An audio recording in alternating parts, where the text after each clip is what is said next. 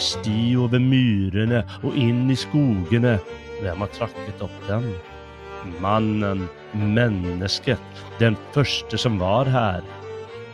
Orden är Knut Hamsuns, den norske mästerberättaren, han som fick Nobelpriset i litteratur för romanen Markens gröda, vars inledande meningar vi just hörde, och som sedermera gav sin Nobelprismedalj till, hör och häpna, Josef Goebbels.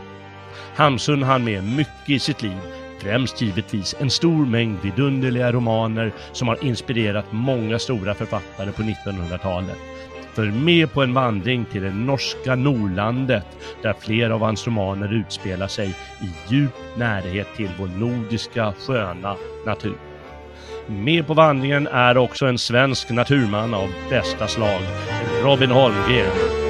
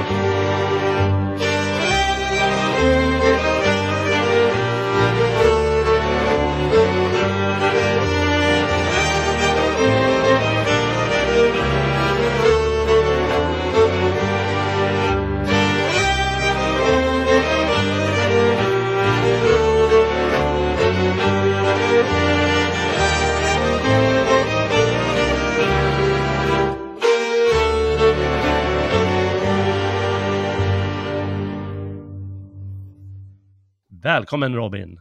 Tjenare! Kul att sitta här och prata lite om Hamsun. Ja, underbart. Det är en av mina stora favoriter.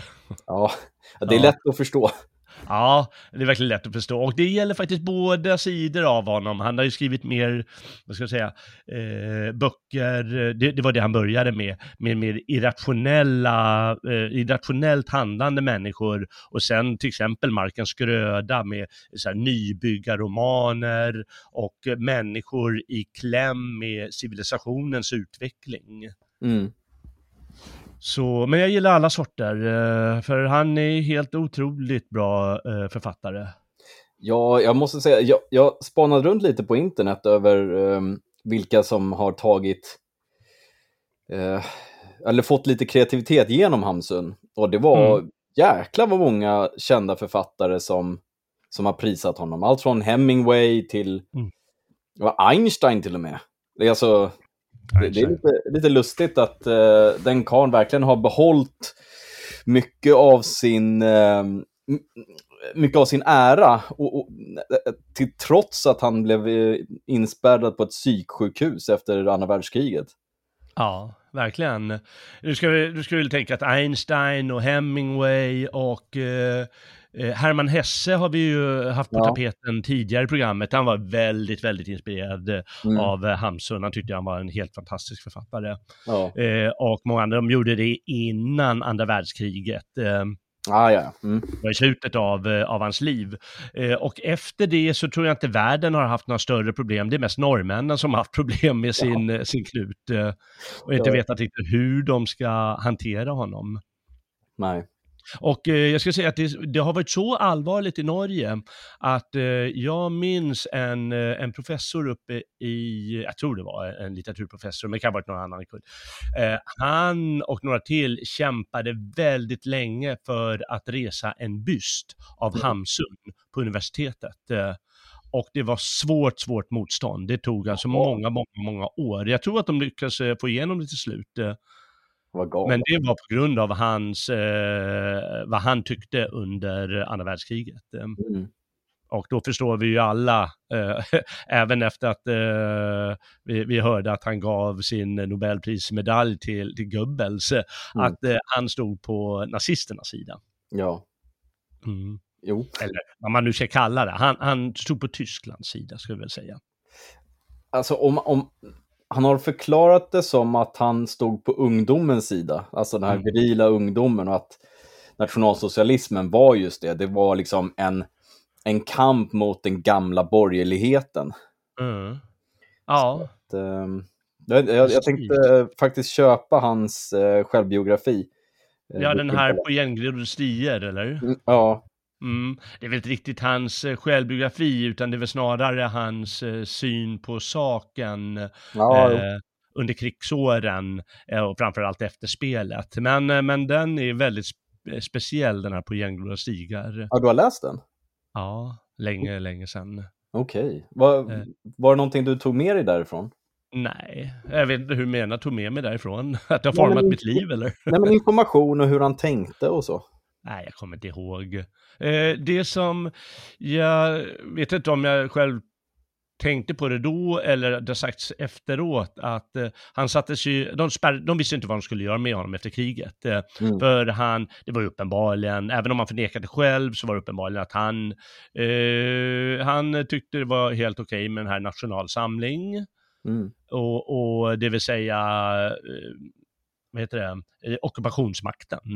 Och han eh, tyckte det var okej med Tyskland och han höll ju på den tyska eh, sidan i, i kriget och även i Norge, även om han då eh, var, eh, han var ju nere hos Hitler 30 eh, vad- vad heter det, 40, mitt under kriget någon gång, om det var 43 eller 44, och eh, bad om att vara, ble, dels bli av med en tysk kommendant Mm. i Norge Ja, och eh, skona eh, eh, norska människors liv från Mm. avrättning. Det gick ju åt peppan det här mötet. Eh, Hi- Hitler, han ville ju prata konst Ja. istället. Men i alla fall, norrmännen visste inte vad de skulle göra med honom efteråt och då blev det liksom enklast lösning, vi sätter honom på hospital. Mm. Men så skriver han den här boken där han visar att han är helt klar i skallen. Mm. Han vet precis vad han har gjort eh, och Ja. eh, vad han tycker. Det är klart han är en gammal gubbe då. Han är ju 80 eller något sånt där. Ja. Men ändå liksom skriver den och det liksom lyser igenom kvickheten hos honom och så i, i, i boken. Den är ganska kort. eh, Införskaffa den. ja, det ska jag göra. Ja. Eh, ja, eh, nej, det, det var den här bysten. Den kom väl upp till slut och norrman hade problem med honom, men eh, eh, det, ja, i Sverige vet jag inte hur det är nu för tiden i vår otroligt polis, politiskt korrekta klimat. Eh, Ja. men det går väl att studera dem på universitetet. Jag skulle ju skriva en avhandling om eh, Hamsuns berättarstil, tänkte jag en gång i tiden. Jaha, vad kul. Ja, men det blev ju aldrig av. Nej. Tack och lov kanske.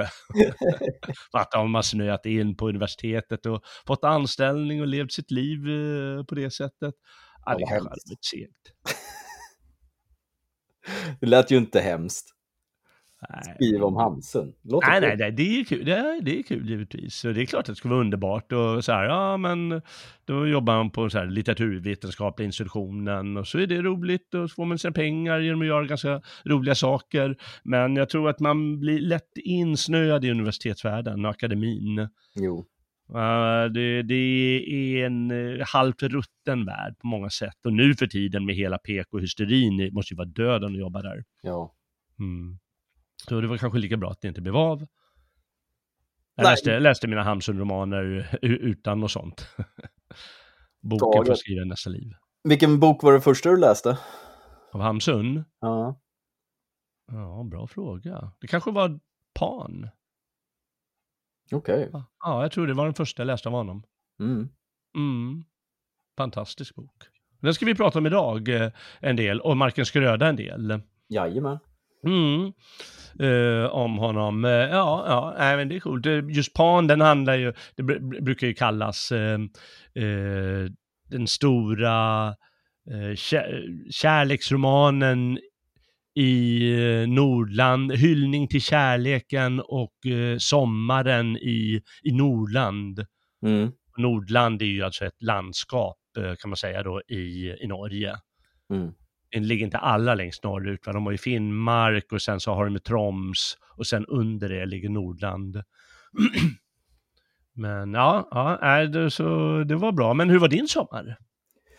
Ja, min sommar var bra. Odlingarna gick eh, förhållandevis bra faktiskt. Det mesta av det i alla fall.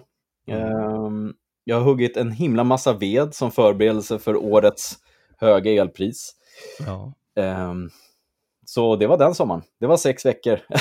Ja, sex veckor huggande. Du, du och Isak Ja, precis. i markens gröda. Ja, Ja, jag saknade bara en stor tjur. Eh, ja. och en harmynt kvinna. ja. ja. Vi Men- kommer till det. Ja, nej men jag faktiskt, eh, det är mycket, jag är ju inte uppväxt så här ute på landet. Eh, så att varje år försöker jag lära mig nya saker. Så nu har det varit liksom att lära mig att, att slipa gamla yxor. Eh, Ah. Alltså slipa till nya äggar och sådana saker. Så att det, Mm. det är kul när man lär sig lite varje år. Ja. Ungarna har haft det jättebra med alla jordgubbar. Jag har aldrig fått så mycket jordgubbar som i år. Alltså det har varit helt galet. ja, det var så varmt, eh, så soligt kanske. Det var precis tvärtom. Det har inte alls varit, alltså det har inte varit en, en fin sommar här ute. Eh, Det har blåst väldigt mycket och inte varit så varmt. Så, eh, vad heter det, tomaterna har ju knappt fått färg. Eh, men gurkor har vi fått jättemycket. Mm. Eh, kantareller har det varit hur mycket som helst. Mycket, det är ett bärår i år. Ja. Så att det har varit mycket smultron, jordgubbar, blåbär. Eh, och inom kort så blir det ju lingon då. Vad härligt. För den som inte vet så bor du alltså ute i skärgården någonstans. Jajamän. Ja. Så att, eh, nej men snickra lite och fixa och dona och göra fint. Ja. Det låter jättebra. Jag hoppas att... Det, jo då, det, det, har, det har väl varit, har varit okej. Jag uh, håller på att försöka förbereda en flytt till Sverige, men uh, har fortfarande ingenstans att flytta till. Så Ja. ja, det är väldigt besvärande där, men det blir väl av på något sätt. eh. Ja. Om det är någon som hör det här och har eh, en, ett fantastiskt hus att ställa till förfogande i, eh, ja, där i Töreboda någonstans, eh, så hör av er till, eh, till mig på jalle.svegot.se. Jag förväntar mig ingenting, men vem vet? Ja. Vi får hoppas på det bästa. Ja, ja något blir det. Eh, så äh, jag har håll- hållit på med det och eh, sådana grejer. Men eh, det har funkat, det har varit jättefin sommar eh, där jag har varit för det mesta. Väldigt varmt och, och härligt så det tycker jag är väldigt skönt. Eh, Mm. Mm. Jag hoppas att eh, resten av året, eller slutet av året, blir bra det med. Ja, vi hoppas på en mild vinter. Ja, vi hoppas ju det. Mm, verkligen. Ja. Vissa hoppas ju tvärtom, att eh, då fattar ju folk vad de har röstat fram och vad de vid makten har gjort och, och så vidare. Mm. Ja. Ja, jag Men tror, det- ja.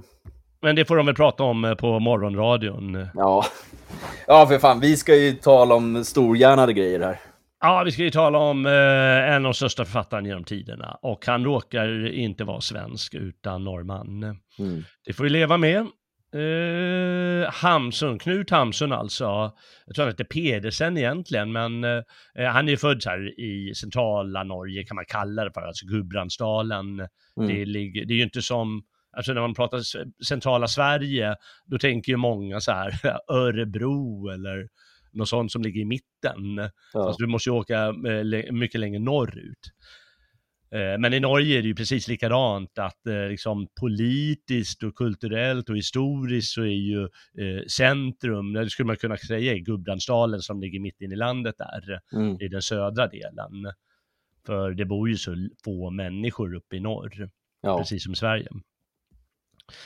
Men familjen flyttade till Hamaröj, eh, en så kuststad i, eh, i, i Nordland då, i norra Norge. Och jag tror att det var någon gård som hette någonting Hamsun liknande som hans namn. Jajamän. Mm. Och eh, ja, han, eh, han levde som ung, han provade massor med olika jobb och så vidare. Han, hade, han levde inte i en så här högborgerlig familj att han fick allting eh, eh, räkmackor på räkmackor, utan fick kämpa sig fram. Ett par gånger var han i USA bland annat eh, Mm. eh, och prova olika arbeten och prova olika liv. Och vet inte om det är därigenom eller genom bara hans idéer som han fick en viss avsmak eh, för det anglosaxiska och det in, nyindustriella livet som slår ut den här gamla kulturen. Ja. Kanske var för att Eh. han jobbade som järnvägsarbetare i USA en gång. Ja, bland annat. eh. Han fick väl nog av Ja. det kanske, jag vet inte. Men, men det, det gick ju igenom hela livet och då förstår vi ju att, aha, okej, men då föredrog han ju Tyskland eh, på det Mm. sättet. Vi kommer till det.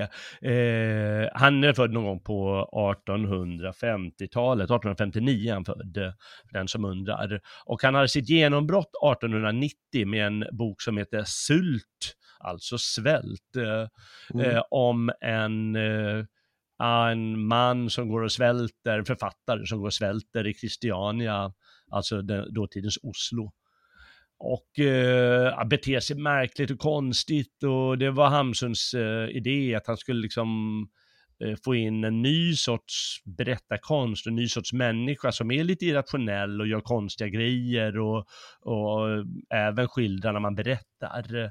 Mm. Eh, att man får känsla av den här personens inre liv. Mm. Han, eh, han, han gör massa konstiga grejer i alla fall, delvis på grund av svälten men eh, som gör att han till slut känner olika delirium liksom.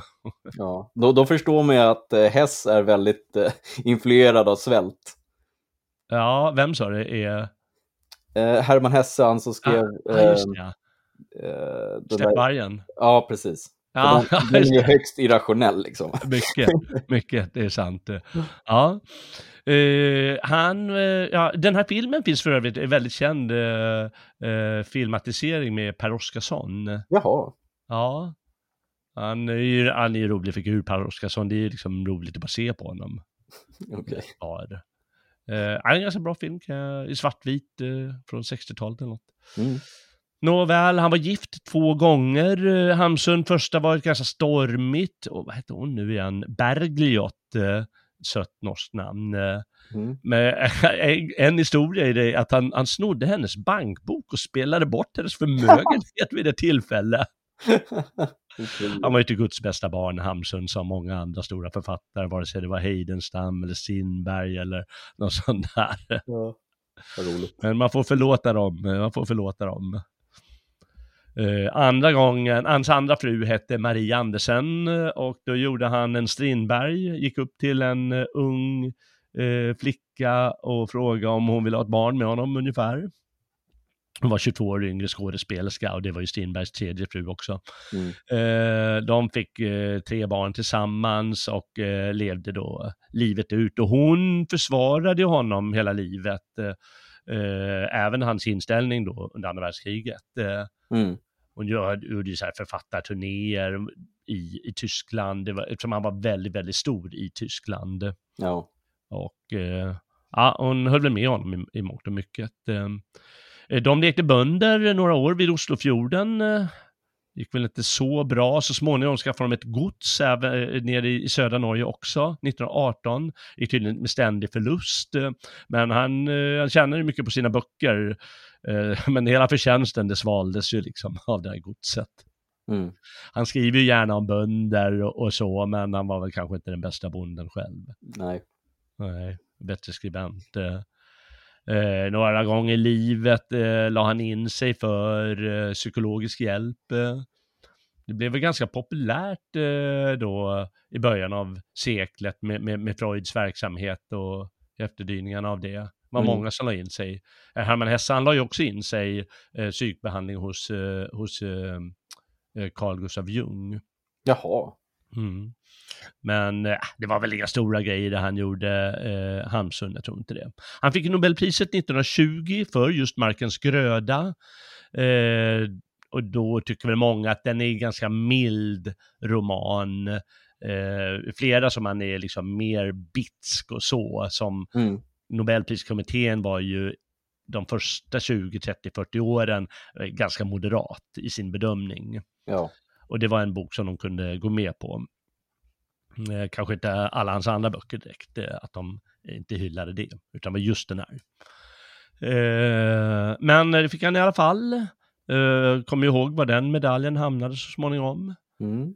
Och han tog ju då tysk ställning och det gjorde han ju redan på 1880-talet som sagt under sina turer till USA och sitt, liksom, ja, formandet av hans världsbild och tankar och idéliv och så. Och då tyckte han, att, som du sa, Tyskland företrädde liksom en ung nation. Mm. Eh, men kanske samtidigt som har liksom en äldre kultur i bagaget. Eh, Annars skulle man ju tycka att ja, då kunde man välja USA. Det är också en ung, frodig nation. Ja. Men han hatade väl det här krämeriet, det här anglosaxiska krämeriet. Eh, Mm. Jag glömmer att tyskarna är där jäkla bra krämare de med kan jag säga. Ja, jag tror det. Men sen Ja. var det ju så också, han sålde ju väldigt bra i Tyskland, men inte alls lika bra i England. Nej, han, eh, han eh, Selma Lagerlöf, det är många av de här nordiska författarna, de var väldigt stora i Tyskland. Eh, Mm. Det har du rätt i. Och han drog i Nationalsamling som sagt, även om han förnekade i vissa sidor. En av sönerna var med i Waffen-SS. Jaha. Mm. Och han, som sagt, han, han reste till eh, Hitler och, och begärde möte. Mm. Jag tror det var 1943. Och eh, pläderade då för, för bättre norska förhållanden under ockupationen och framförallt för att eh, spara eh, att, att folk inte skulle avrättas, eh, motståndsmän eller eh, vad det nu kunde vara. Och eh, tack, eh, som tack för det eh, sattes han då in på hospital efter kriget. Mm. Ja, och eh, han blev utskriven snart, eh, men då dömde de till väldigt höga böter istället. Ja. Tillräckligt för att försätta dem i konkurs, va? Ja, mer eller mindre. Det... Så var det. Och, eh, men då skrev han då den här sista boken på igengrodda stigar. Och sen så la han ner pennan och mer eller mindre kontakten med yttervärlden. Och dog Mm. några år senare, tror jag 1952 dog han. Okej. Mm. Och eh, han hann ju med alltså en 20-25 romaner. eh, och många av dem är ju jättebra verkligen. Ja, det måste man verkligen säga. Det är fascinerande. Det, det, med romanförfattare är det, med en poet kan vi säga, eller en dramatiker, Mm. där kan man ofta tekniskt se vad de är duktiga på. Ja. Men det är mycket svårare med en romanförfattare, Ja. en berättare. Och eh, då vill jag ju skriva en avhandling om det. Men det var väl lika bra att det inte blev av. Eh, För det är, det är jättesvårt. Eh, Och även när det är liksom helt olika stilar, som i den här Svält, som har en väldigt märklig stil. Mm. Och Markens gröda som är liksom det mer- mera klassiska berättandet. Så är han otroligt bra på att fånga läsaren. Oh ja. Och det är svårt att säga, det är jäkla svårt att säga vad det är som gör att han är så otroligt bra. Alla, alla som eh, har, är, är långt till höger, de säger att det är för att han var nazist. Men jag tror inte riktigt på den förklaringen. Nej, det tror inte jag heller. Nej. Men det är lätt att, att förstå liksom att Markens gröda är det här gyllene genomsnittet som funkade bra för Nobelpriset. Mm. Så den är ju... Den känns gammal men ändå fräsch på något sätt. Ja, det gör Eh, den. Otroligt bra bok alltså. Ja, det, det är jätte, jättebra. Jag, jag kan ju läsa här då, eh, bara de första, det första stycket, eh, läser Mm. på svenska nu den här gången. Mm. Ehm, för då kanske, kanske man får en uppfattning om eh, vad han, han klarar av. Eh, då börjar det så här. Den långa, långa stigen över myrarna och in i skogarna. Vem har trampat den? Människan, mannen, den första som var här. Det fanns ingen stig före honom. Sedan följde ett och annat djur de svaga spåren över mo och myr och gjorde dem tydligare. Och ännu senare började en och annan lapp vädra upp stigen och gården när han skulle från fjäll till fjäll och se till sin ren. Så kom stigen till över den stora allmänningen som ingen ägde över det herrelösa landet. Mannen kommer gående norrut. På ryggen bär han en säck, den första säcken, som innehåller mat och några redskap och så vidare. Mm. Jag, vet, jag tycker att eh, han är i alla fall bra på att fånga en eh, och eh, ja, ja, skriva. Och då, då är det frågan om att fånga en utan liksom, vad ska man kalla det? Eh, spänning, romanens, du vet, melodrama, känsla och sådär. Alltså, Mm. lägg bort allt det här, utan nu har vi en verkligen professionell författare som, som, som är eh, snäpp, lång, snäppet långt över eh, sådan lite, vad man kallar enklare litteratur. Mm. Men en, på, på ett fantastiskt sätt lyckas, lyckas gripa läsaren. Verkligen. Ja. I sin enkelhet också. Ja, i sin enkelhet, eh, ja. Ja, verkligen. Nej, det, det, det är svårt. Det, det, de är väldigt vackra, hans romaner. Och det gäller som sagt de som går i någon sorts psykologins tecken med, med konstiga individer på 1890-talet. Uh, uh, romaner som, eh, det är svårt att sätta ord på dem, som man skrev på liksom, första decenniet av 1900-talet. Eh, mm. Eh, eller då de här större, som man kallar kollektivromaner, med en stor drös olika människor. Eh, från och med 10-talet kanske, med, med liksom en ganska klar civilisationskritik. Eh, mm. Och då en för, för ska jag säga, med, med bonden och naturmänniskan eh, som det som är den positiva sidan av mänskligheten, vare sig det är bonden eller fiskaren eller liksom det traditionella livet som håller på att försvinna. Ja, precis. Istället för att hantera de stora frågorna så, så märker man att karaktärerna drabbas av den, den vardagliga problematiken. Mm. Um, han beskriver det så otroligt bra. Ja, det gör han. Och en stor egenskap hos honom, det är ju att säga, även om till exempel den här Isak är hjälte mm. i, i, i den här boken och hans fru, jag menar det är, inga, det är inte Guds bästa barn. Nej. Och precis som Hamsun själv då, det är, det är genomgående i alla hans böcker. Att, eh, för för det, man, man får ju inte göra hjälten för hjältelik, då blir det ju det blir ganska trivialt och, och, och så. Mm. Utan eh, han gör dem nyanserade och intressanta allihopa verkligen. Ja. Ja. Man, man lär känna dem på ett annat sätt. Det, mm, det är ingen ja, Marvel-variant där liksom, utan att det är, det, det, är riktiga män och kvinnor. Ja, riktiga män och kvinnor. Och det, att det, blir eh. mer, det blir mer trovärdigt på något sätt. Ja, det brukar alltid finnas i hans böcker några några som är mer den här moderna typen. Jo, jo. Eh, I, I den här vet jag inte om det är någon länsman eller någon som, som startar gruvdrift. Ja, precis. G Giesler, va? Ja, och i, eh, i den här Pan är det förstås den här mackhandlaren. Mm. Eh, ofta finns det någon, någon läkare med, han är alltid liberal, läkaren. Ja. Det, var, det var läkarens öde där i slutet av 1800-talet och början av 1900-talet. Att alltid vara liberala, ja. i, liberaler. I, i, I boken Mysterier, det är en eller två böcker före Pan, kommer ut mm. 1892 eller någonting. Eh, då är det så jäkla elak mot doktor Stenesen, heter doktorn. Ah, det är så jäkla kul han är så liberal och hyllar sin eh, älskade Gladstone då, den brittiska liberala politikern. Mm. Ungefär som man skulle hylla, eh, vem i Sverige idag då? Annie Lööf. Ja. Jag bara nej! uh, Ja, de får smaka det där, den här, de som står för lite mer det moderna livet och, och allt vad det innehar. Mm. Hamsun har sitt hjärta då i det här mer eh, traditionella, mer naturnära, eh, mer konservativa. Mm. Mm. Ja, det har han. Eh, ska vi ta en titt på de här två böckerna som vi har valt ut eh, idag som eh, ja, representerar ganska mycket av det Hamsun står för? Ja, men det tycker jag. Ja. Eh, vi börjar väl kanske kronologiskt då? Ja. Mm, och det skulle alltså vara Pan som kom 1894 tror jag.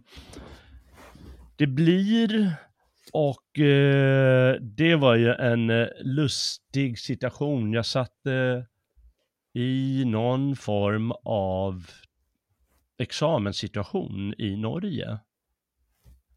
Jag skulle, och då blev jag utfrågad ganska mycket om den här boken Pan. Mm. av eh, ett par professorer och då var det en man från Bergen, de har ju skorrande R i Bergen. Okay. Ja, en man från Bergen och en, en kvinna från någonstans. Och eh, då ville kvinnan, hon ville gärna ta upp det här med kärleken. Jaha. Och eh, då så tog mannen henne eh, så här, för att ta ordet så att säga. Det här är en bok om makt och våld. Eller vad tror du? Titta mig i ögonen. Och då tog jag bort mina ögon från den där kvinnan och så tittade jag på mannen och så började vi prata om pan. Okej. Okay. Det var ett fantastiskt tillfälle. Och bara, nej, men lite handlar väl om kärlek. Tyst med dig, sa vi. ja, men det gör ju det ju. Det handlar ju mycket om kärlek, i alla fall att saker och ting tar sin skrud i form av kärlek och ett himla ältande om känslor. Ja, det är klart det gör det. Det är klart det är massor med kärlek. Och det kallas ofta liksom den stora romanen om eh, kärleken och sommaren och eh, Nordlandets natur. Mm. Och det handlar kort om kort, eh, för de som inte har läst den, om en, en gammal soldat och han, han hyr sig en stuga uppe i Nordnorge någonstans. Eh, Sirilund heter eh, den lilla stan. Man får tänka en sån här stad, det bor ju bara ett par tusen invånare maximalt antar jag i den. De är mm. ganska små sådana städer och det är ju hundra år sedan drygt. Eh, eller 150 år sedan. Löjtnant Glan ska jag säga att han heter. Just det, löjtnant Glan. Eh, och han hyr sig en stuga där och kommer, eh, de, dels har han ju hela tiden när, när han han, han, jobbar som jägare eller lever som jägare i alla fall. Så mm. han är hela tiden nära naturen. Mm. Men samtidigt så har han ju kontakt med, med den här lilla stan Siri Lund och eh, inte minst då eh, handlarens eh, dotter Edvarda. Som han har en liten kärleksaffär med. Mm. Och flera andra kvinnor verkar som. Ja. Mm. Eh, och så får man följa och eh, det är väldigt eh, problem, ganska problematiskt det här kärleksförhållandet och då eh, brukar ju alla säga att ja men den, den vill visa natur kontra kultur mm. och den ganska svåra krocken som tar plats hos den här Glan. Mm. Han har djurblick står det. Han har ju en särskild närhet till naturen och när han kommer då till, till civilisationen då blir han lite tafatt och, så. Mm. Ja, minst sagt.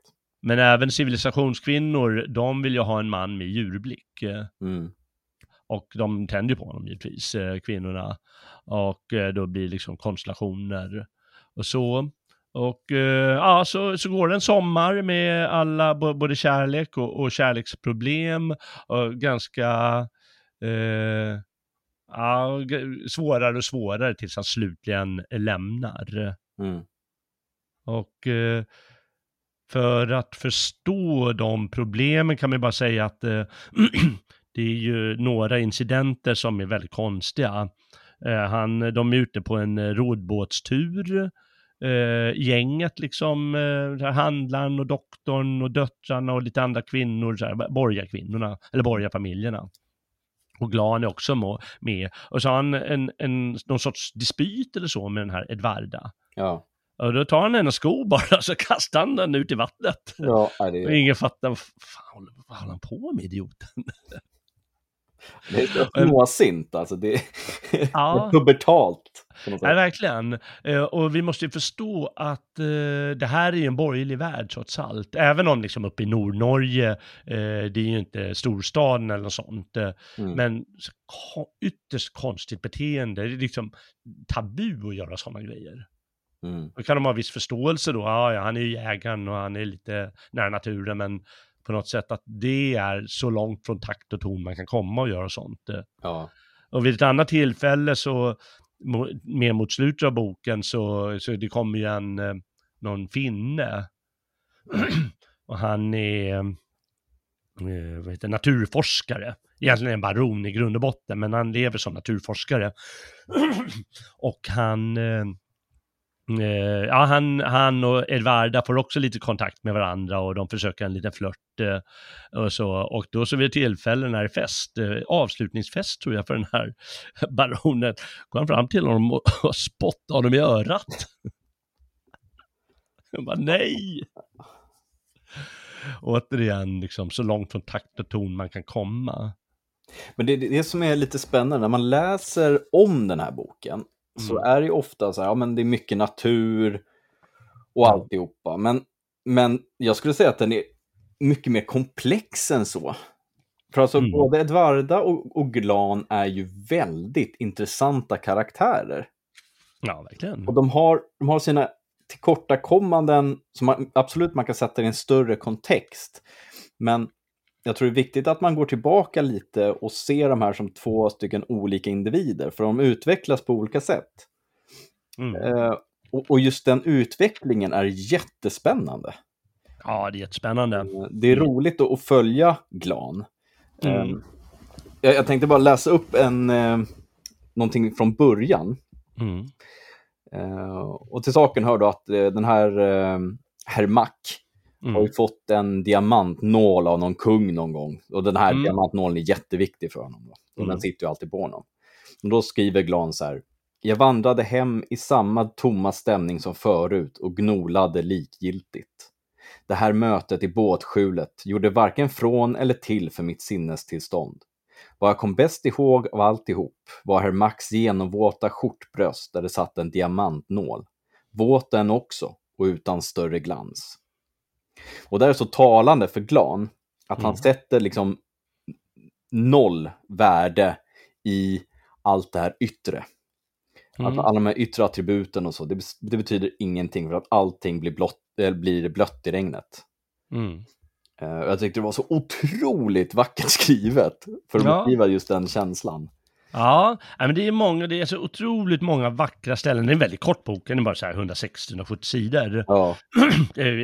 ja, ja, det kan vara ännu kortare om det är lite mindre stil och, och så vidare.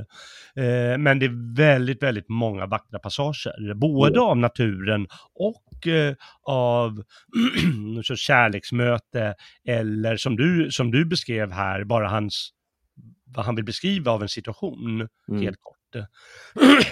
Eh, den är ju allra mest känd för naturskildringarna. Mm. Eh, boken och de är ju väldigt speciella. Jag tänkte jag skulle läsa ett par eh, sådana som jag tyckte var så, som jag tycker är väldigt talande. Mm. Um, vi ska börja här, det är i början av boken, uh, några sidor efter det där som du beskrev där. Och då säger han, Uh, jag börjar här. Nu var kvällen inne. Jag gick hem och gjorde upp eld, stekte en fågel och höll måltid. Imorgon kom åter en dag. Stilla och tyst överallt. Jag ligger på kvällen och ser ut genom fönstret. En sagoglans vilade den tiden över mark och skog. Solen hade gått ned och färgade horisonten med ett fett rött ljus som stod stilla som olja.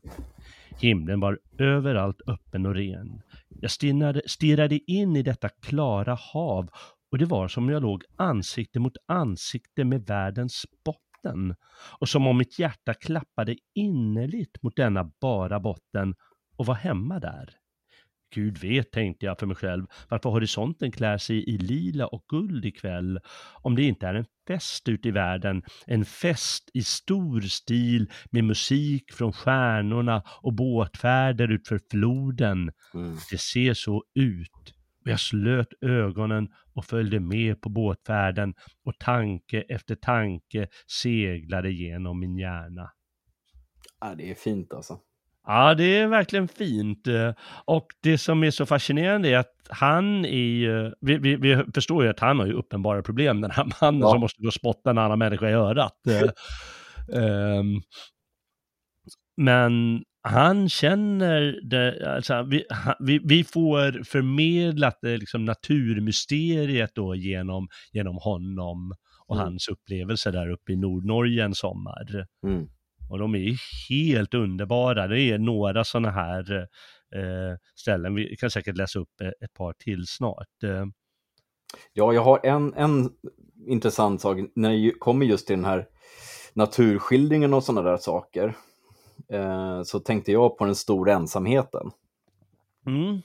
Då står det så här, några dagar gick som det kunde. Min enda vän var skogen och den stora ensamheten.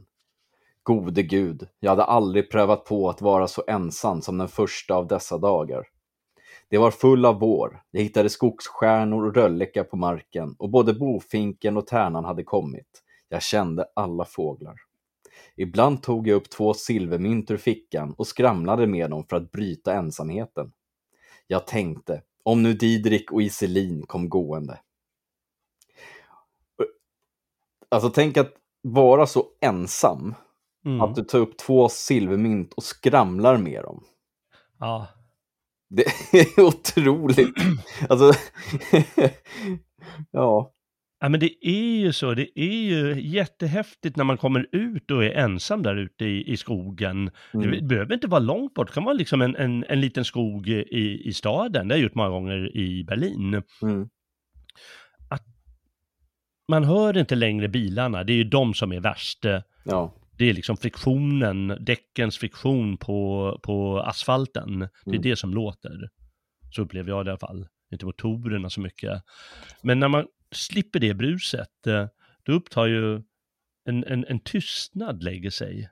Ja. Sen efter ett tag börjar man kanske höra små saker. Mm. Prassel och sus givetvis, men, men liksom djuren eller krypen som finns där. Mm. Eller det här som du säger, ett par silvermynt som klirrar. Ja, det är, jävligt, det är jäkligt häftigt den där ensamheten och den skildras ju väldigt bra och det är egentligen där han kanske trivs bäst. Där Mm. funkar han ju bäst i alla fall. Ja, samtidigt så är det ju lite sorgligt också. Mm. För det, för det märks ju att han, han söker ändå upp Edvarda Mm. och blir ju väldigt eh, pilsk. Så Ja, han, vill ju inte vara ensam egentligen, får jag Nej. upplevelsen av.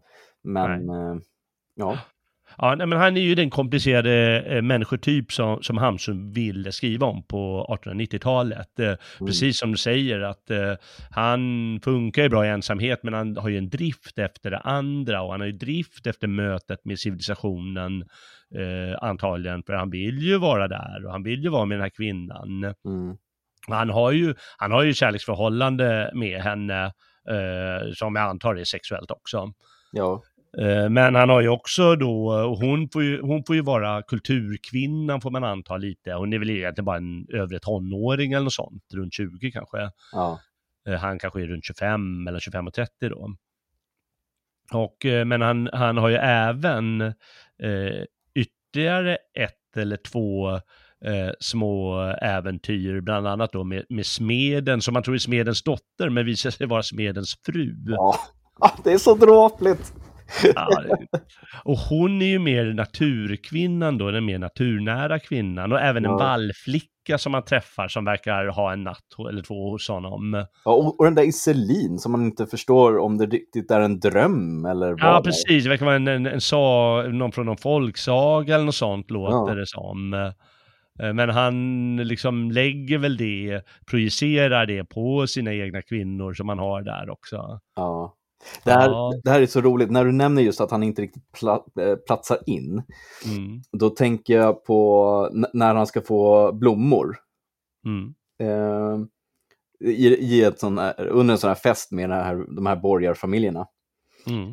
Nej, svarar jag, men jag känner redan allt, mina damer. Om nätterna står jag ansikte mot ansikte med bergen, jorden och solen. Jag vill förresten inte vara högtravande. En sådan sommar som ni har här. Den skjuter upp en natt när alla sover och på morgonen är den här. Jag kikade ut genom mitt fönster och såg den själv. Jag har två små fönster. Jaha, spännande. En tredje kommer. Hon är förtjusande med sin röst och sina små händer. Det är alla förtjusande. Den tredje säger, ska vi byta blommor? Det bringar lycka. Ja, sade jag och räckte fram handen. Låt oss byta blommor och jag tackar er för det. Ni är så vacker, ni har så bedårande röst, jag har hört den hela tiden. Men hon drar sina blåklockor till sig och säger kort och gott, vad går det åt er? Det var inte er jag menade. och och det, det, det här suget som man har över att bli liksom accepterad som Mm. en, en vanlig människa är så otroligt häftig. När han totalt missförstår de här vanliga människorna så att säga och deras ritualer. Mm. Eh, Så man, man förstår ju verkligen att han är ensam. Ja, ja, faktiskt. Och att han också inbillar sig själv att han är dömd att vara ensam. För att han, Ja, han är ju väldigt drömmande liksom. Mm. Nej, det är verkligen så. Och, och det, det kommer ju fram med de här, eh, när han inte vet vad han ska göra längre, eller tappar fattningen på något sätt och gör de här knasiga grejerna. Ja. Kan ju bara dra helt kort den här när han slänger skon. Ja. Ja. Det är så pinsam. det, det, det är ju det verkligen. Här, vi, säger, vi satte oss i båten. Hon intog sin plats bredvid mig på toften och rörde vid mig med sitt knä. Jag såg på henne och hon såg ett ögonblick tillbaka på mig. Hon gjorde mig gott genom att röra vid mig med sitt ena knä. Jag började känna mig belönad för den bittra dagen och få tillbaka min glädje då hon plötsligt ändrade ställning, vände mig ryggen och började tala med doktorn som satt vid rodret. Och då har vi det här maktspelet som jag, den här bergensiska profess eh, professorn, eh, gärna pratar om. Ja. I en hel kvart fanns jag inte till för henne. Då gjorde jag något som jag ångrar och ännu inte har glömt. Hennes sko föll av foten. Jag tog den och slängde den långt ut över vattnet av glädje över att hon var så nära eller av lust att göra mig gällande och påminna henne om att jag var där. Jag vet inte. Alltihop gick så snabbt. Jag tänkte inte. Jag fick bara en ingivelse. Mm. Damerna gav till ett skrik. Jag blev själv så förlamad över vad jag gjort. Men vad hjälpte det? Det var gjort. Och så fortsätter det va. Ja, det är... Det är liksom den här ingivelsen att... Eh, ja, Nej, det bara slår, slår, slår, slår slint i skallen på honom. Det blir som desperation. Jag, jag tror i ärlighetens namn att vi alla kan känna igen oss i det där. Ja, Att vi verkligen. gör någonting i stundens hetta på grund av att vi inte har några kontroll över våra känslor. Mm. Och, och bara gör någonting som, alltså, som verkligen är jättepuckat. Men som vi vi liksom, hinner liksom inte reflektera över konsekvenserna av handlandet. Nej, precis. Och jag kan känna en, en särskild frustration nästan när jag, när jag läser här när han, är, när han är inne i stan eller, eller möter dem. Det är ju bättre när han möter dem i naturen, hemma Ja. hos sig. När Mm. de kommer på besök och knackar. Och jag säger dem, det är ju mest Edvarda, men även de här andra eh, kvinnorna. Eh, för det, det, det, det gör ju ont liksom. Mm. Jag förstår ju att han är, han, han, han, han funkar inte hundraprocentigt kanske den här glan. Men, men ändå när det är så vackert det han upplever i, i naturen med, med sin hund Esop eh, eh, och, eh, och jakten och, och det han hör. Mm. Så jag tänkte jag skulle läsa ett annat stycke här med naturupplevelse igen. Ja, kör. Det är väldigt vackert. Sommarnätter och stilla vatten och oändligt stilla skogar. Inga skrik, inga fotsteg fr- från vägarna. Mitt hjärta var fullt som av dunkelt vin. Mal och nattfjärilar kommer ljudlöst flygande in genom mitt fönster, lockande av skenet från härden och doften av min stekta fågel. De stöter mot taket med ett dovt ljud, svirrar förbi mina öron så att det ilar kallt genom mig och sätter sig på mitt vita kruthorn på väggen. Jag betraktar dem, de sitter skälvande och ser på mig. Det är spinnare, borrare och mal. Jag tycker att några av dem är som flygande penséer. Mm. Jag går utanför stugan och lyssnar. Ingenting. Inga ljud. Allt sover. Luften lyser av flygande insekter, av myriader svirrande vingar. Borta i skogsbrynet står ormbunkar och stormhattar. Mjölonriset blommar och jag älskar dess små blommor.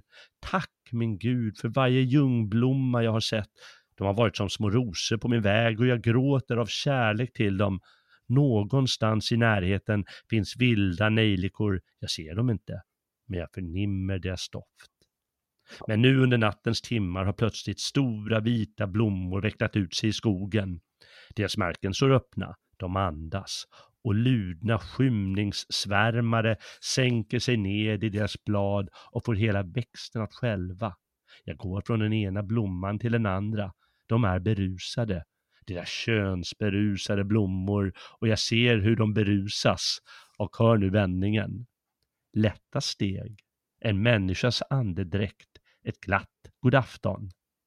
Jag svarar och kastar mig ner på vägen och omfamnar de två knäna och den fattiga klänningen. Och så är det Edvarda som kommer på besök då i natten. Mm. Ja, det är häftigt tycker jag. Ja, verkligen. Lätta steg, en människas andedräkt. Jag kommer så väl ihåg när jag läste det stycket alltså. Ja. Otroligt Ja. fångande. ja, jag tycker också det är, det är otroligt fångande. Det är någonting med hans förmåga att, eh, att eh, delge den här upplevelsen eh, utan att det blir för krystat eller utan att det blir för långdraget eller utan, ja, jag vet inte vad, utan bara ja, jäkligt bra. Mm. Mm. Puh, ja, du, jag, får jag köra en, eh, en liknande variant här? Ja, gör det. Men mer om Edvarda. Eh, en löjlig glädje genomilar mig. Jag avlägsnar mig hastigt från huset. Med lätta fötter och beslöjad blick. Bössan var lätt som en promenadkäpp i min hand. Om jag bara kunde få henne skulle jag bli en god människa, tänkte jag. Jag nådde fram till skogen och tänkte vidare, om jag bara kunde få henne skulle jag tjäna henne mer outtröttligt än någon annan. Och även om det visade sig att hon inte var mig värdig, om hon hittade på att begära det omöjliga av mig, skulle jag göra allt jag kunde och vara glad för att hon var min. Jag stannade, lade mig på knä och slickade av ödmjukhet och hopp några grässtrån vid vägkanten innan jag reste mig igen.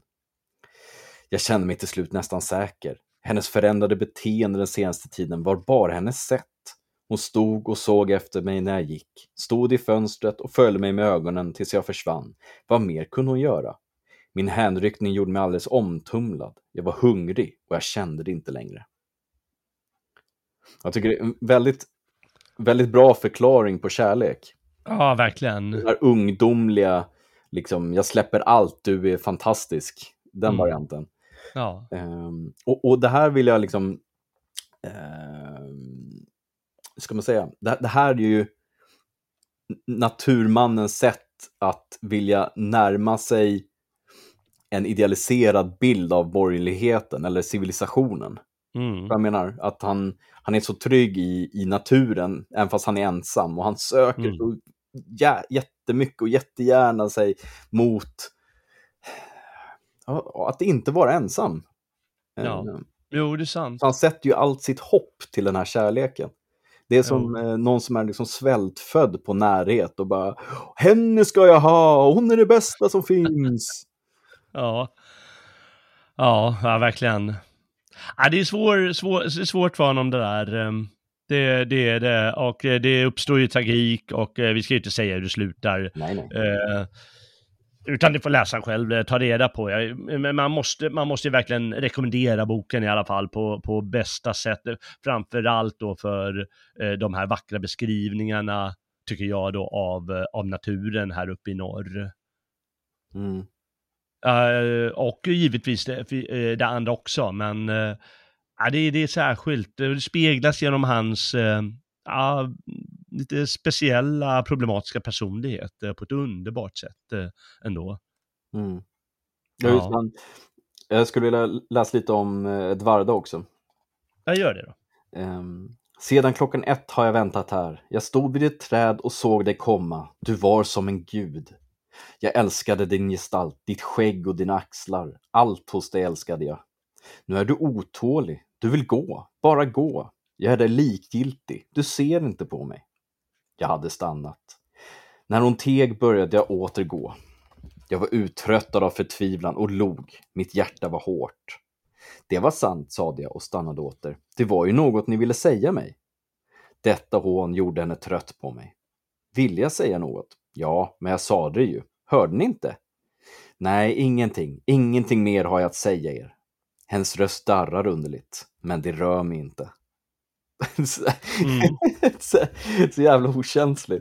Ja, verkligen. Men, men det är så roligt för att det, man kan verkligen förstå att en kvinnas ord, en kvinnas eh, tankar.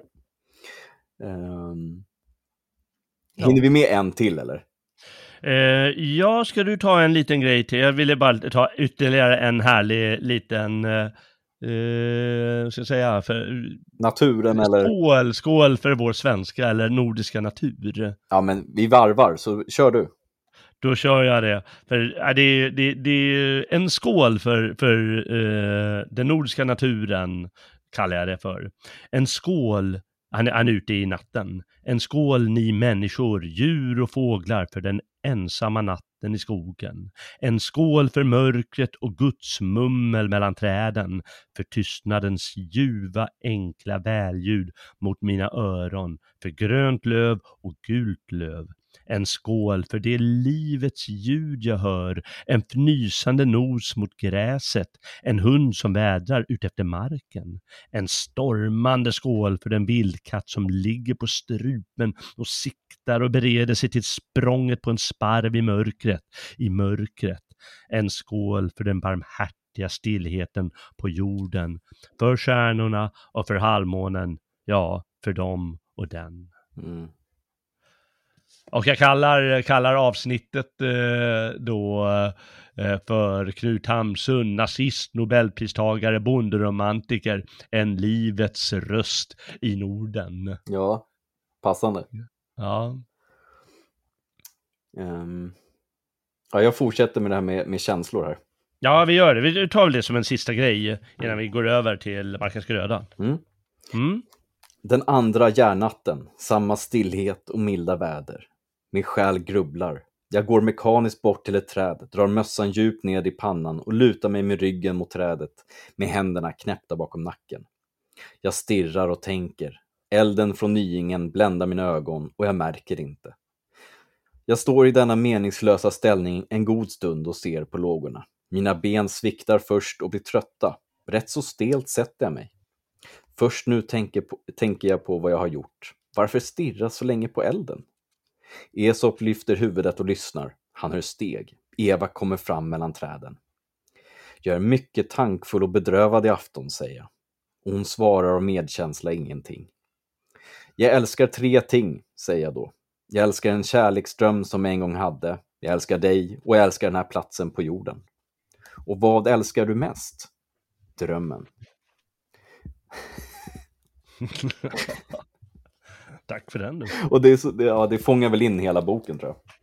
Ja, ja verkligen. Ja, det gör det nog. Ja. Ja, det är boktips nummer ett. Eh, spring och köp er ett stycke pan och eh, läs och eh, njut. Ja, kostar väl vadå, typ 40 spänn på bokbörsen? Ja, ja, ja. Det, det, det, det finns ju översatt så många gånger och eh, i så många upplagor. Mm. Så det går nog att hitta billigt eh, och bra. Och spelar ingen roll om lite äldre översättning heller. Nej, nej verkligen. Uh. Uh, ja, nej, men det var hans, uh, en av hans stora 1890-talsromaner.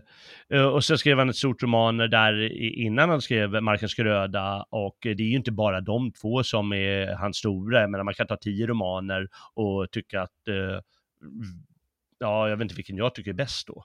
Mm. Så det är, inte, det är inte så att just de vi råkade välja är, står i centrum, utan det råkade nog bara bli så. Ja.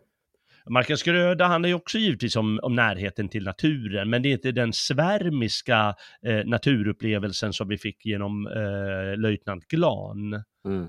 Utan nu är det ju den strävsamma bondens närhet till naturen.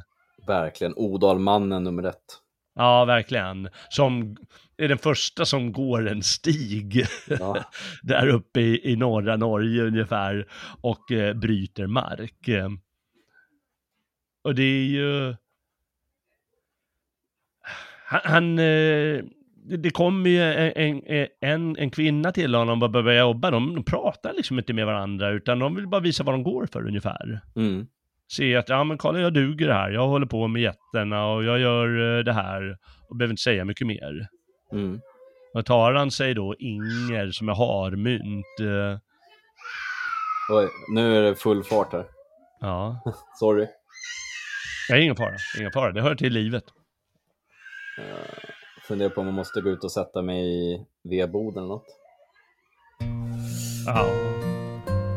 Nej, men det hörs inte. Jag hör. Ah, ja, ja, ja, okej. Ja, ska vi ta en liten paus och du eh, byter, du omgrupperar? Jajamän. Vänta Ja. Mm. Og kunne skrive på himmelen, så skrev jeg ditt navn. Og hvis mitt liv var ei skute, skulle du ha vært mi havn. Og kunne hengt denne skyen og redd ei seng. Og dette fjellet var et flygel, så spilte jeg Chopin. Men jeg måtte ha øvd på forhånd. Ville du forstå? Musiken byn för allvar snart. Jag snur mig för att se om du skall gå.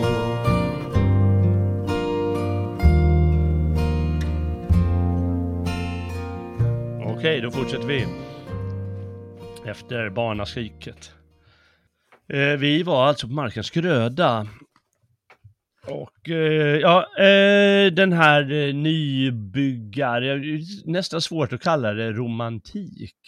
För det är ju liksom en strävsam värld Mm. med, med de här problemen och han tar sig som, som vi sa den här harmynta Inger till kona. Ja.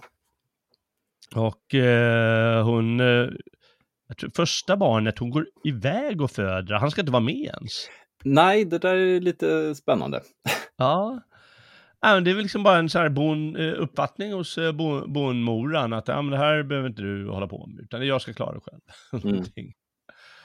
Ja, det, är jätte, det är verkligen häftigt, det är så nära naturen. Det är, det är inte alltid, det är inte vackert på samma sätt som, som den här eh, upplevelserna i Pan, men det är en helt annan närhet. Det tycker jag är väldigt häftigt. Ja, det är som att det här är- är den första boken, eller den här ligger liksom till grund för Mobergs eh, Utvandrare. Ja, det, det, kan, det kan man nog säga. Mm. Jag försöker, det, det finns säkert flera sådana här eh, nybyggarböcker, eh, eh, både, både i Norden och annorstädes, men eh, Mm. ja, den, den, den gör verkligen intryck i alla fall och förstår ju att Moberg har inspirerats av den. Verkligen. Eh, Ett Ja. litet stycke om Isak här. Mm. Så var han ensam igen. Ja, herregud. Med sin arbetskraft och arbetslust kunde han inte gå ut och in i kojan och bara vara i vägen för sig själv. Han började ta sig något för, hugga till timmer, jämna stockarna på två sidor. Han höll på till kvällen, då mjölkade han getterna och gick till sängs. Ödsligt och tyst i kojan, det teg tungt från torrväggarna och jordgolvet. Han var djupt och allvarligt ensam. Men spinnrocken och kardorna fanns på plats och pärlorna på sin tråd låg väl förvarade i en påse under taket. Inger hade inte tagit någonting med sig. Men Isak var så oändligt dum att han blev mörkrädd mitt på ljusa sommarnatten och såg både det ena och det andra smyga förbi rutorna. När klockan av ljuset att döma kunde vara omkring två steg han lika gärna upp igen och åt frukost. Ett väldigt grötfat för hela dagen, så att han skulle slippa spilla tid på att koka fler gånger. Han bröt ny mark tills kvällen kom, ökade ut potatislandet. Ja. Det är väldigt nära liksom. ja, det är väldigt nära. Och, och, och det är lite, eh, jag tycker det är lite charmigt att det är så, det, det är så, inte hårt, men det är så enkelt. Eh, Mm. Det är som att dagarna bara svischar förbi, för det enda han gör är att jobba, jobba, jobba. Eh, Ja, precis. det, det är svårt för oss att tänka oss hur, hur hårt det måste vara att från ingenting bygga ett hus mitt ute i fan ingenstans. Ja, precis. Och sätta igång med verksamhet också. Jag menar, du måste ju Ja. köra igång åkrar och du måste ha djur och... Ja, herregud alltså. Och, och du sa att eh, dagarna svischar bara förbi och det gör de ju, men allting går ju otroligt långsamt. Ja, verkligen. Och det är ju en häftig grej i boken som givetvis är, en, eh, bokens idé och Hamsun vill ju eh, skilja det i sin civilisationskritik. Eh, Ja. att när han konfronteras med den här nyindustriella världen, Mm. inte minst den här gruvdriften som, som påbörjas någon gång i boken. ja, just det. Mm. Det är som att där, och med handel och förgreningar till hela världen eh, som ska handlas eh, eh, malm i eller vad det är. Alltså det, det en helt annan snabbhet som sker eh, till skillnad från det här långsamma, strävsamma arbetet med jorden och, Mm. och där kommer en kvinna och slår sig ner och ja. Och, det, är liksom, det kan samtidigt vara som att inget händer där på gården för att det går så sakta. Ja. Till skillnad från det här myllret som sker eh, i industrins värld, Ja. i handelns värld. Allting, får, allting prioriteras. Som, Mm. eh, jag tänkte läsa upp ett stycke om skidor. Ja, På vintern var det sedan det vanliga arbetet med vedkörning och lagning av verktyg och åkdon. Ingen skötte huset och sydde. Så en, två, tre, fyra, fem ord för att förklara vad en kvinna gör under vintern. Liksom. Fantastiskt. ja just det. Ja. Pojkarna var åter nere i bygden på en lång skoltermin. De hade redan flera vintrar haft ett par skidor tillsammans. Det räckte så länge de var hemma. Antingen stod den ene och väntade med den andra åkte, eller också stod den ene bak på hos den andra. Det räckte mycket väl. De visste inte om något bättre. De var oskuldsfulla. Den här enkelheten, liksom. fantastiskt. Mm. Men nere i bygden var förhållandena större. Skolan vimlade av, sko- av skidor. Det visade sig att till och med barnen på Breidablik hade var sitt par. Det slutade med att Isak måste göra ett nytt par skidor åt Elesius, medan Sivert fick ha det gamla ensam. och det är så häftigt. Alltså, om, man, om man tänker som olika eh, klasserna. Den Mm. ena klassen, där har alla skidor.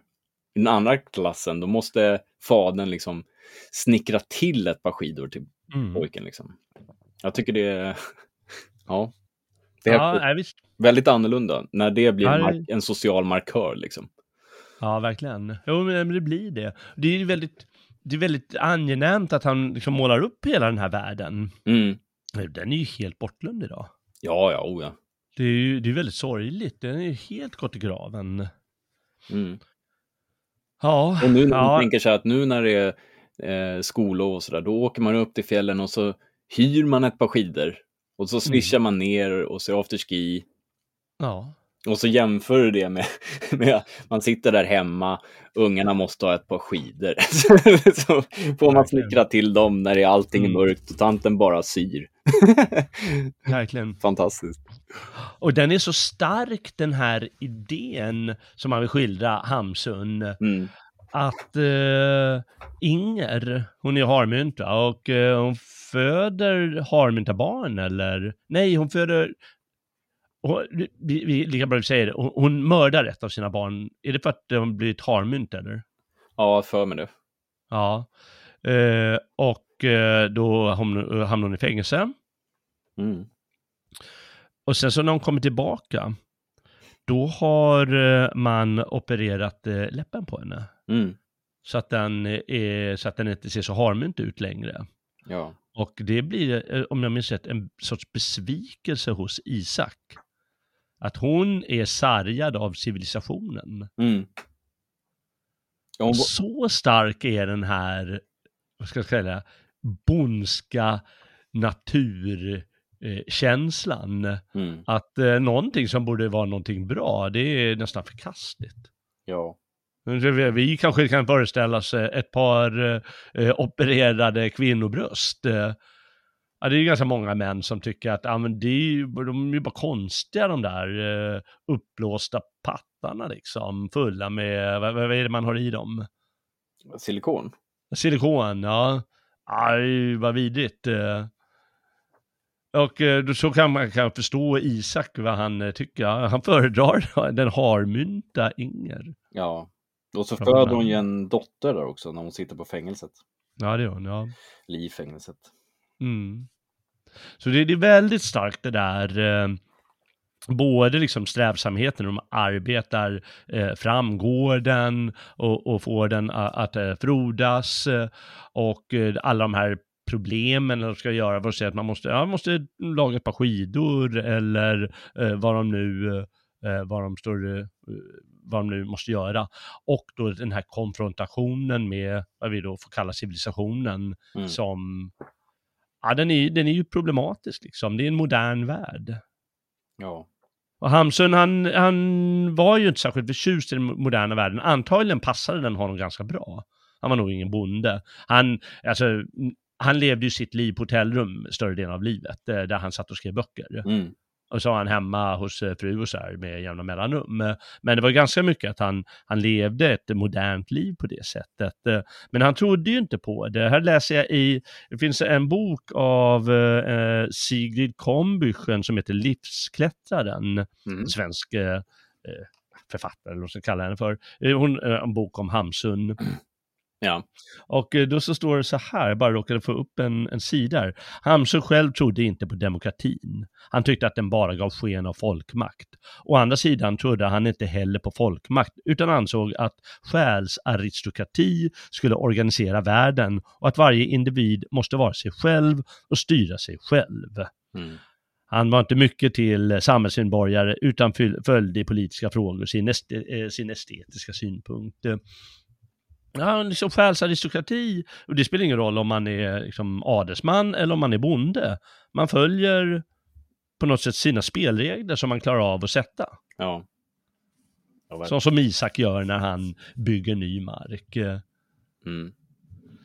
Och ja, det, är en, det, det är inte den moderna världen som, eh, som han... Jag menar, se på löjtnant Glan, han klarar inte av den moderna världen. Nej. Nej. Isak, han, han klarar sig i alla fall av den gamla världen. Jag har svårt att tänka sig honom i borgerliga kretsar. Liksom. Ja, verkligen. Ja, det går ju inte. Nej. Nej, verkligen. Han har varit ännu mer... Uh, han har väl bara gått därifrån. Han har inte försökt leka som, eh, som den här löjtnant Klan. Ja, men det, det, är i alla fall fascinerande med den här bondska världen och det, det är som du säger att man, uh, man, man, man kommer in i, i hela, hela den värld som måste byggas upp.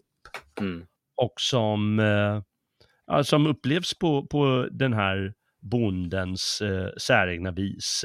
Och den är väldigt speciellt skriven också. Mm. Eh, Markens gröda. Eh, jag kan ta ett stycke här. Det är när eh, Inger har blivit släppt från kåken. Mm. Däremot såg han ett kvinnfolk med en liten flicka som redan stod uppe vid dörren till båthuset. Men kvinnfolket var vackrare än Inger, även om Inger inte var ful. Vad? Det var ju Inger. Hm! sade Isak och vankade uppåt. De hälsade på varandra. Hon sade goddag och räckte fram handen, lite förkyld och blek efter sjösjukan och resan.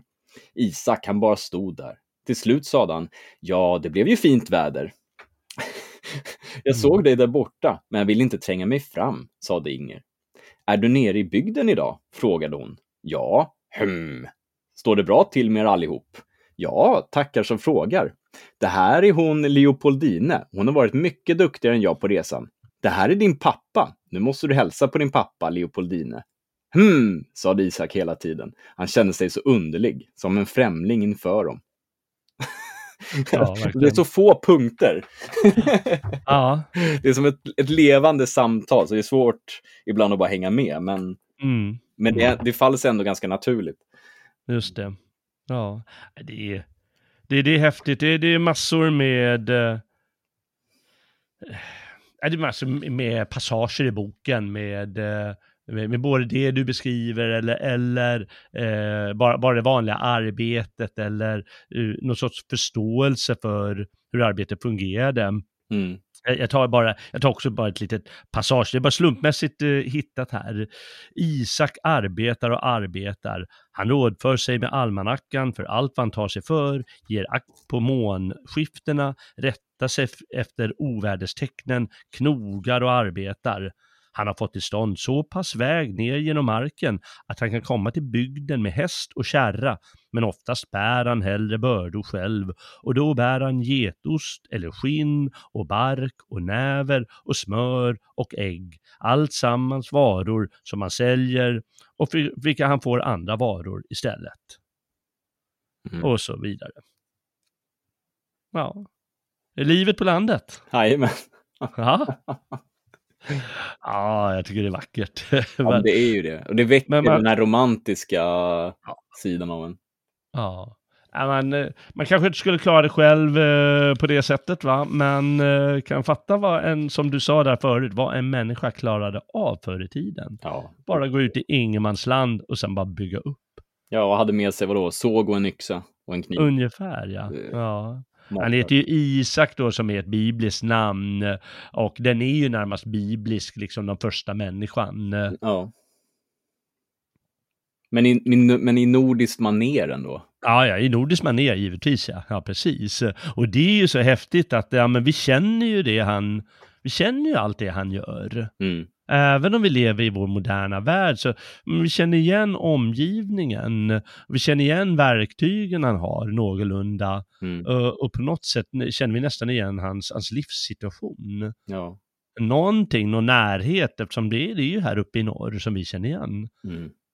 Och vi tänker nog också så här, vilket fantastiskt liv. Mm. Och då kan jag bara dra mig till minnes hur min egen skörd har varit. Alltså hur ja. fantastiskt det är att äta sin egen potatis. Att den, är, det, den smakar så mycket bättre än det som är köpt. Samma sak ja. med bären och alltihop. Nu får du se hur bra tobaken blir. Men, ja. vet, den egna kamomillen och johannesörten som man plockar för att göra te. Alltså, ja. det blir väldigt annorlunda. Det blir det. Jag tänker att mycket av den här romantiken som vi har för Odalbonden och hans strävan, mm. den, den den smakar så gott och den är så ljuv. Mm. Men jag tror vi ofta glömmer bort hur hårt det måste vara. Vilken tid det tar att få till det där potatislandet för honom. Att bryta upp från ingenting. Vi kan ju åka iväg och köpa pallkragar och så köper vi bra jord liksom. Ja, verkligen kan vi göra det. Så, även Ja, fast det annorlunda. blir ganska dyrt i slutändan så, så är det ju fortfarande värt det. Ja, ja verkligen. Nej, men det är något särskilt med det där. eh, Det är synd att eh, de flesta inte får uppleva det. Mm. Men som du säger, ja, det är väl ett tips till alla. Mm, skaffa egen liten, ja, liten jordplätt. eh. Ja, men det finns ju kolonilotter i städerna. Man kan Ja, odla där liksom. Det är ju som du säger, det smakar annorlunda. Det är mycket mer näring i det oftast. Ja. Eh, Eftersom de är massodlade, de, de, det är ju bara en tiondels näring jämfört med vad de var- för hundra år sedan. ja, De är så utarmade jordarna. Så när du käkar en tomat eller paprika så är, måste, man, måste vi alla veta att det är väldigt lite näring i den. ja, alltså, och det har ju inte mognat klart heller. Nej, det har sällan gjort det, precis. att, Ja, de låter det mogna på, under frakten. Ja, men då Mm. inser man ju också vilken tid det tar. Eh, bara hugga ved, alltså det tar så otroligt mycket tid. Ja, allting tar tid. Mm. Men det är, det, är- det är häftigt på många sätt. eh, Oh, ja. Ja, och om man inte, om man inte vill eh, uppleva det själv så kan man alltid läsa om det i Markens gröda. Som starkt rekommenderas, eh, liksom bonderomantiken när den är som bäst.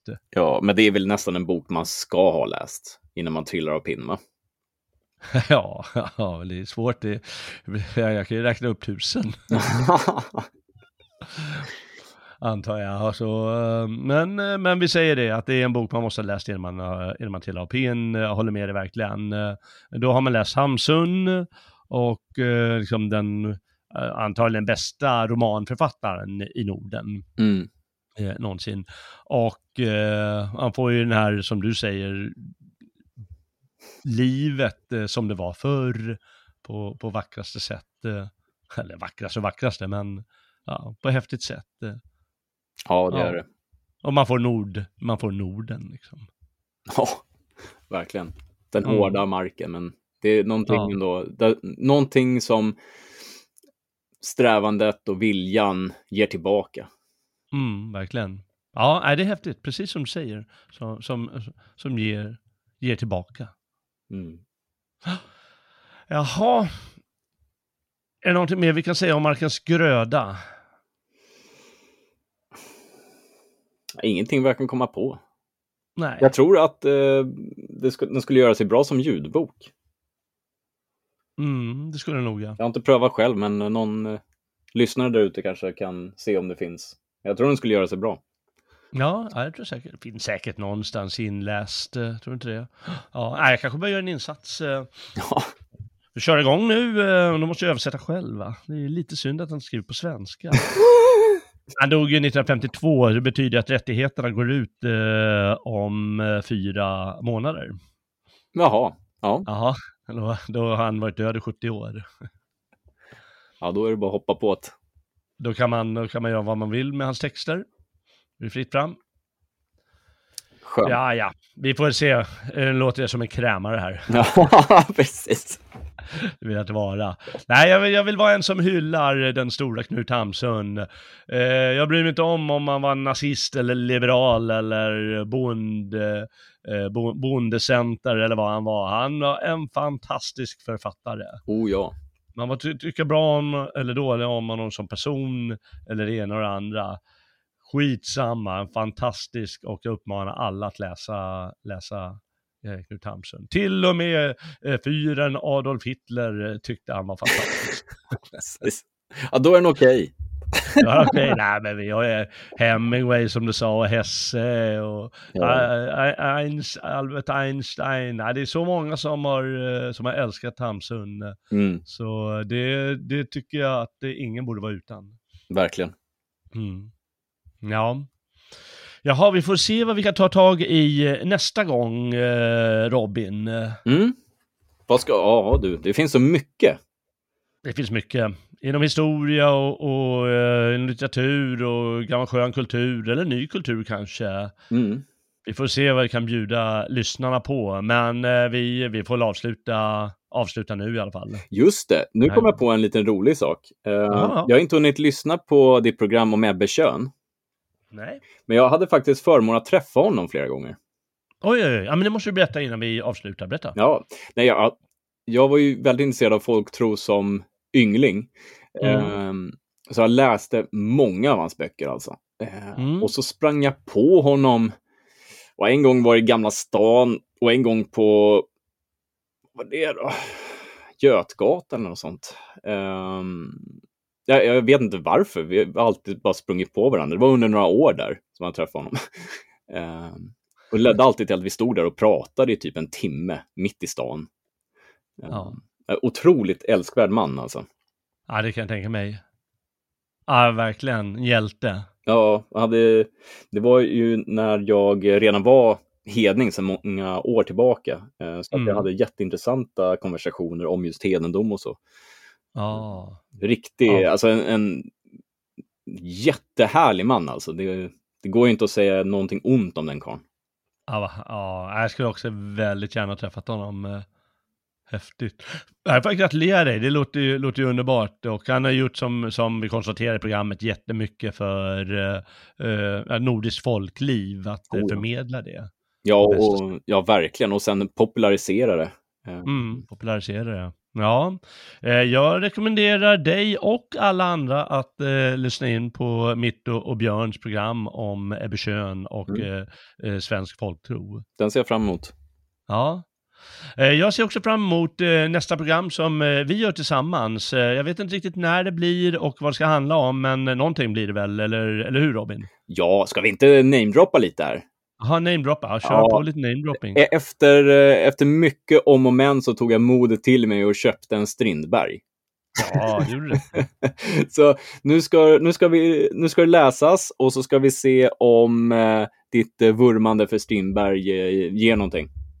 Ja, det ska, ska jag göra. Ja, han är en fantastisk skribent. Nästan lika bra som Hamsun. Ja, det Mm. blir spännande. Ja, men det ska vi göra. Har du något mer att namedroppa? Ja, lite mer Shakespeare skulle jag vilja göra. Ja, just det. Var det du som hade införskaffat Kung Lear? Ja, Ja, helt otroligt bra grejer. Eh, det måste väl bli av en dag. ja men det tycker jag. Mm. Ja, vi har mycket på gång alltså. Så är det. Ja, det är mycket intressant på gång. Eh, Jag föreslog Tristan och Isolde också. Ja. Just det, ja.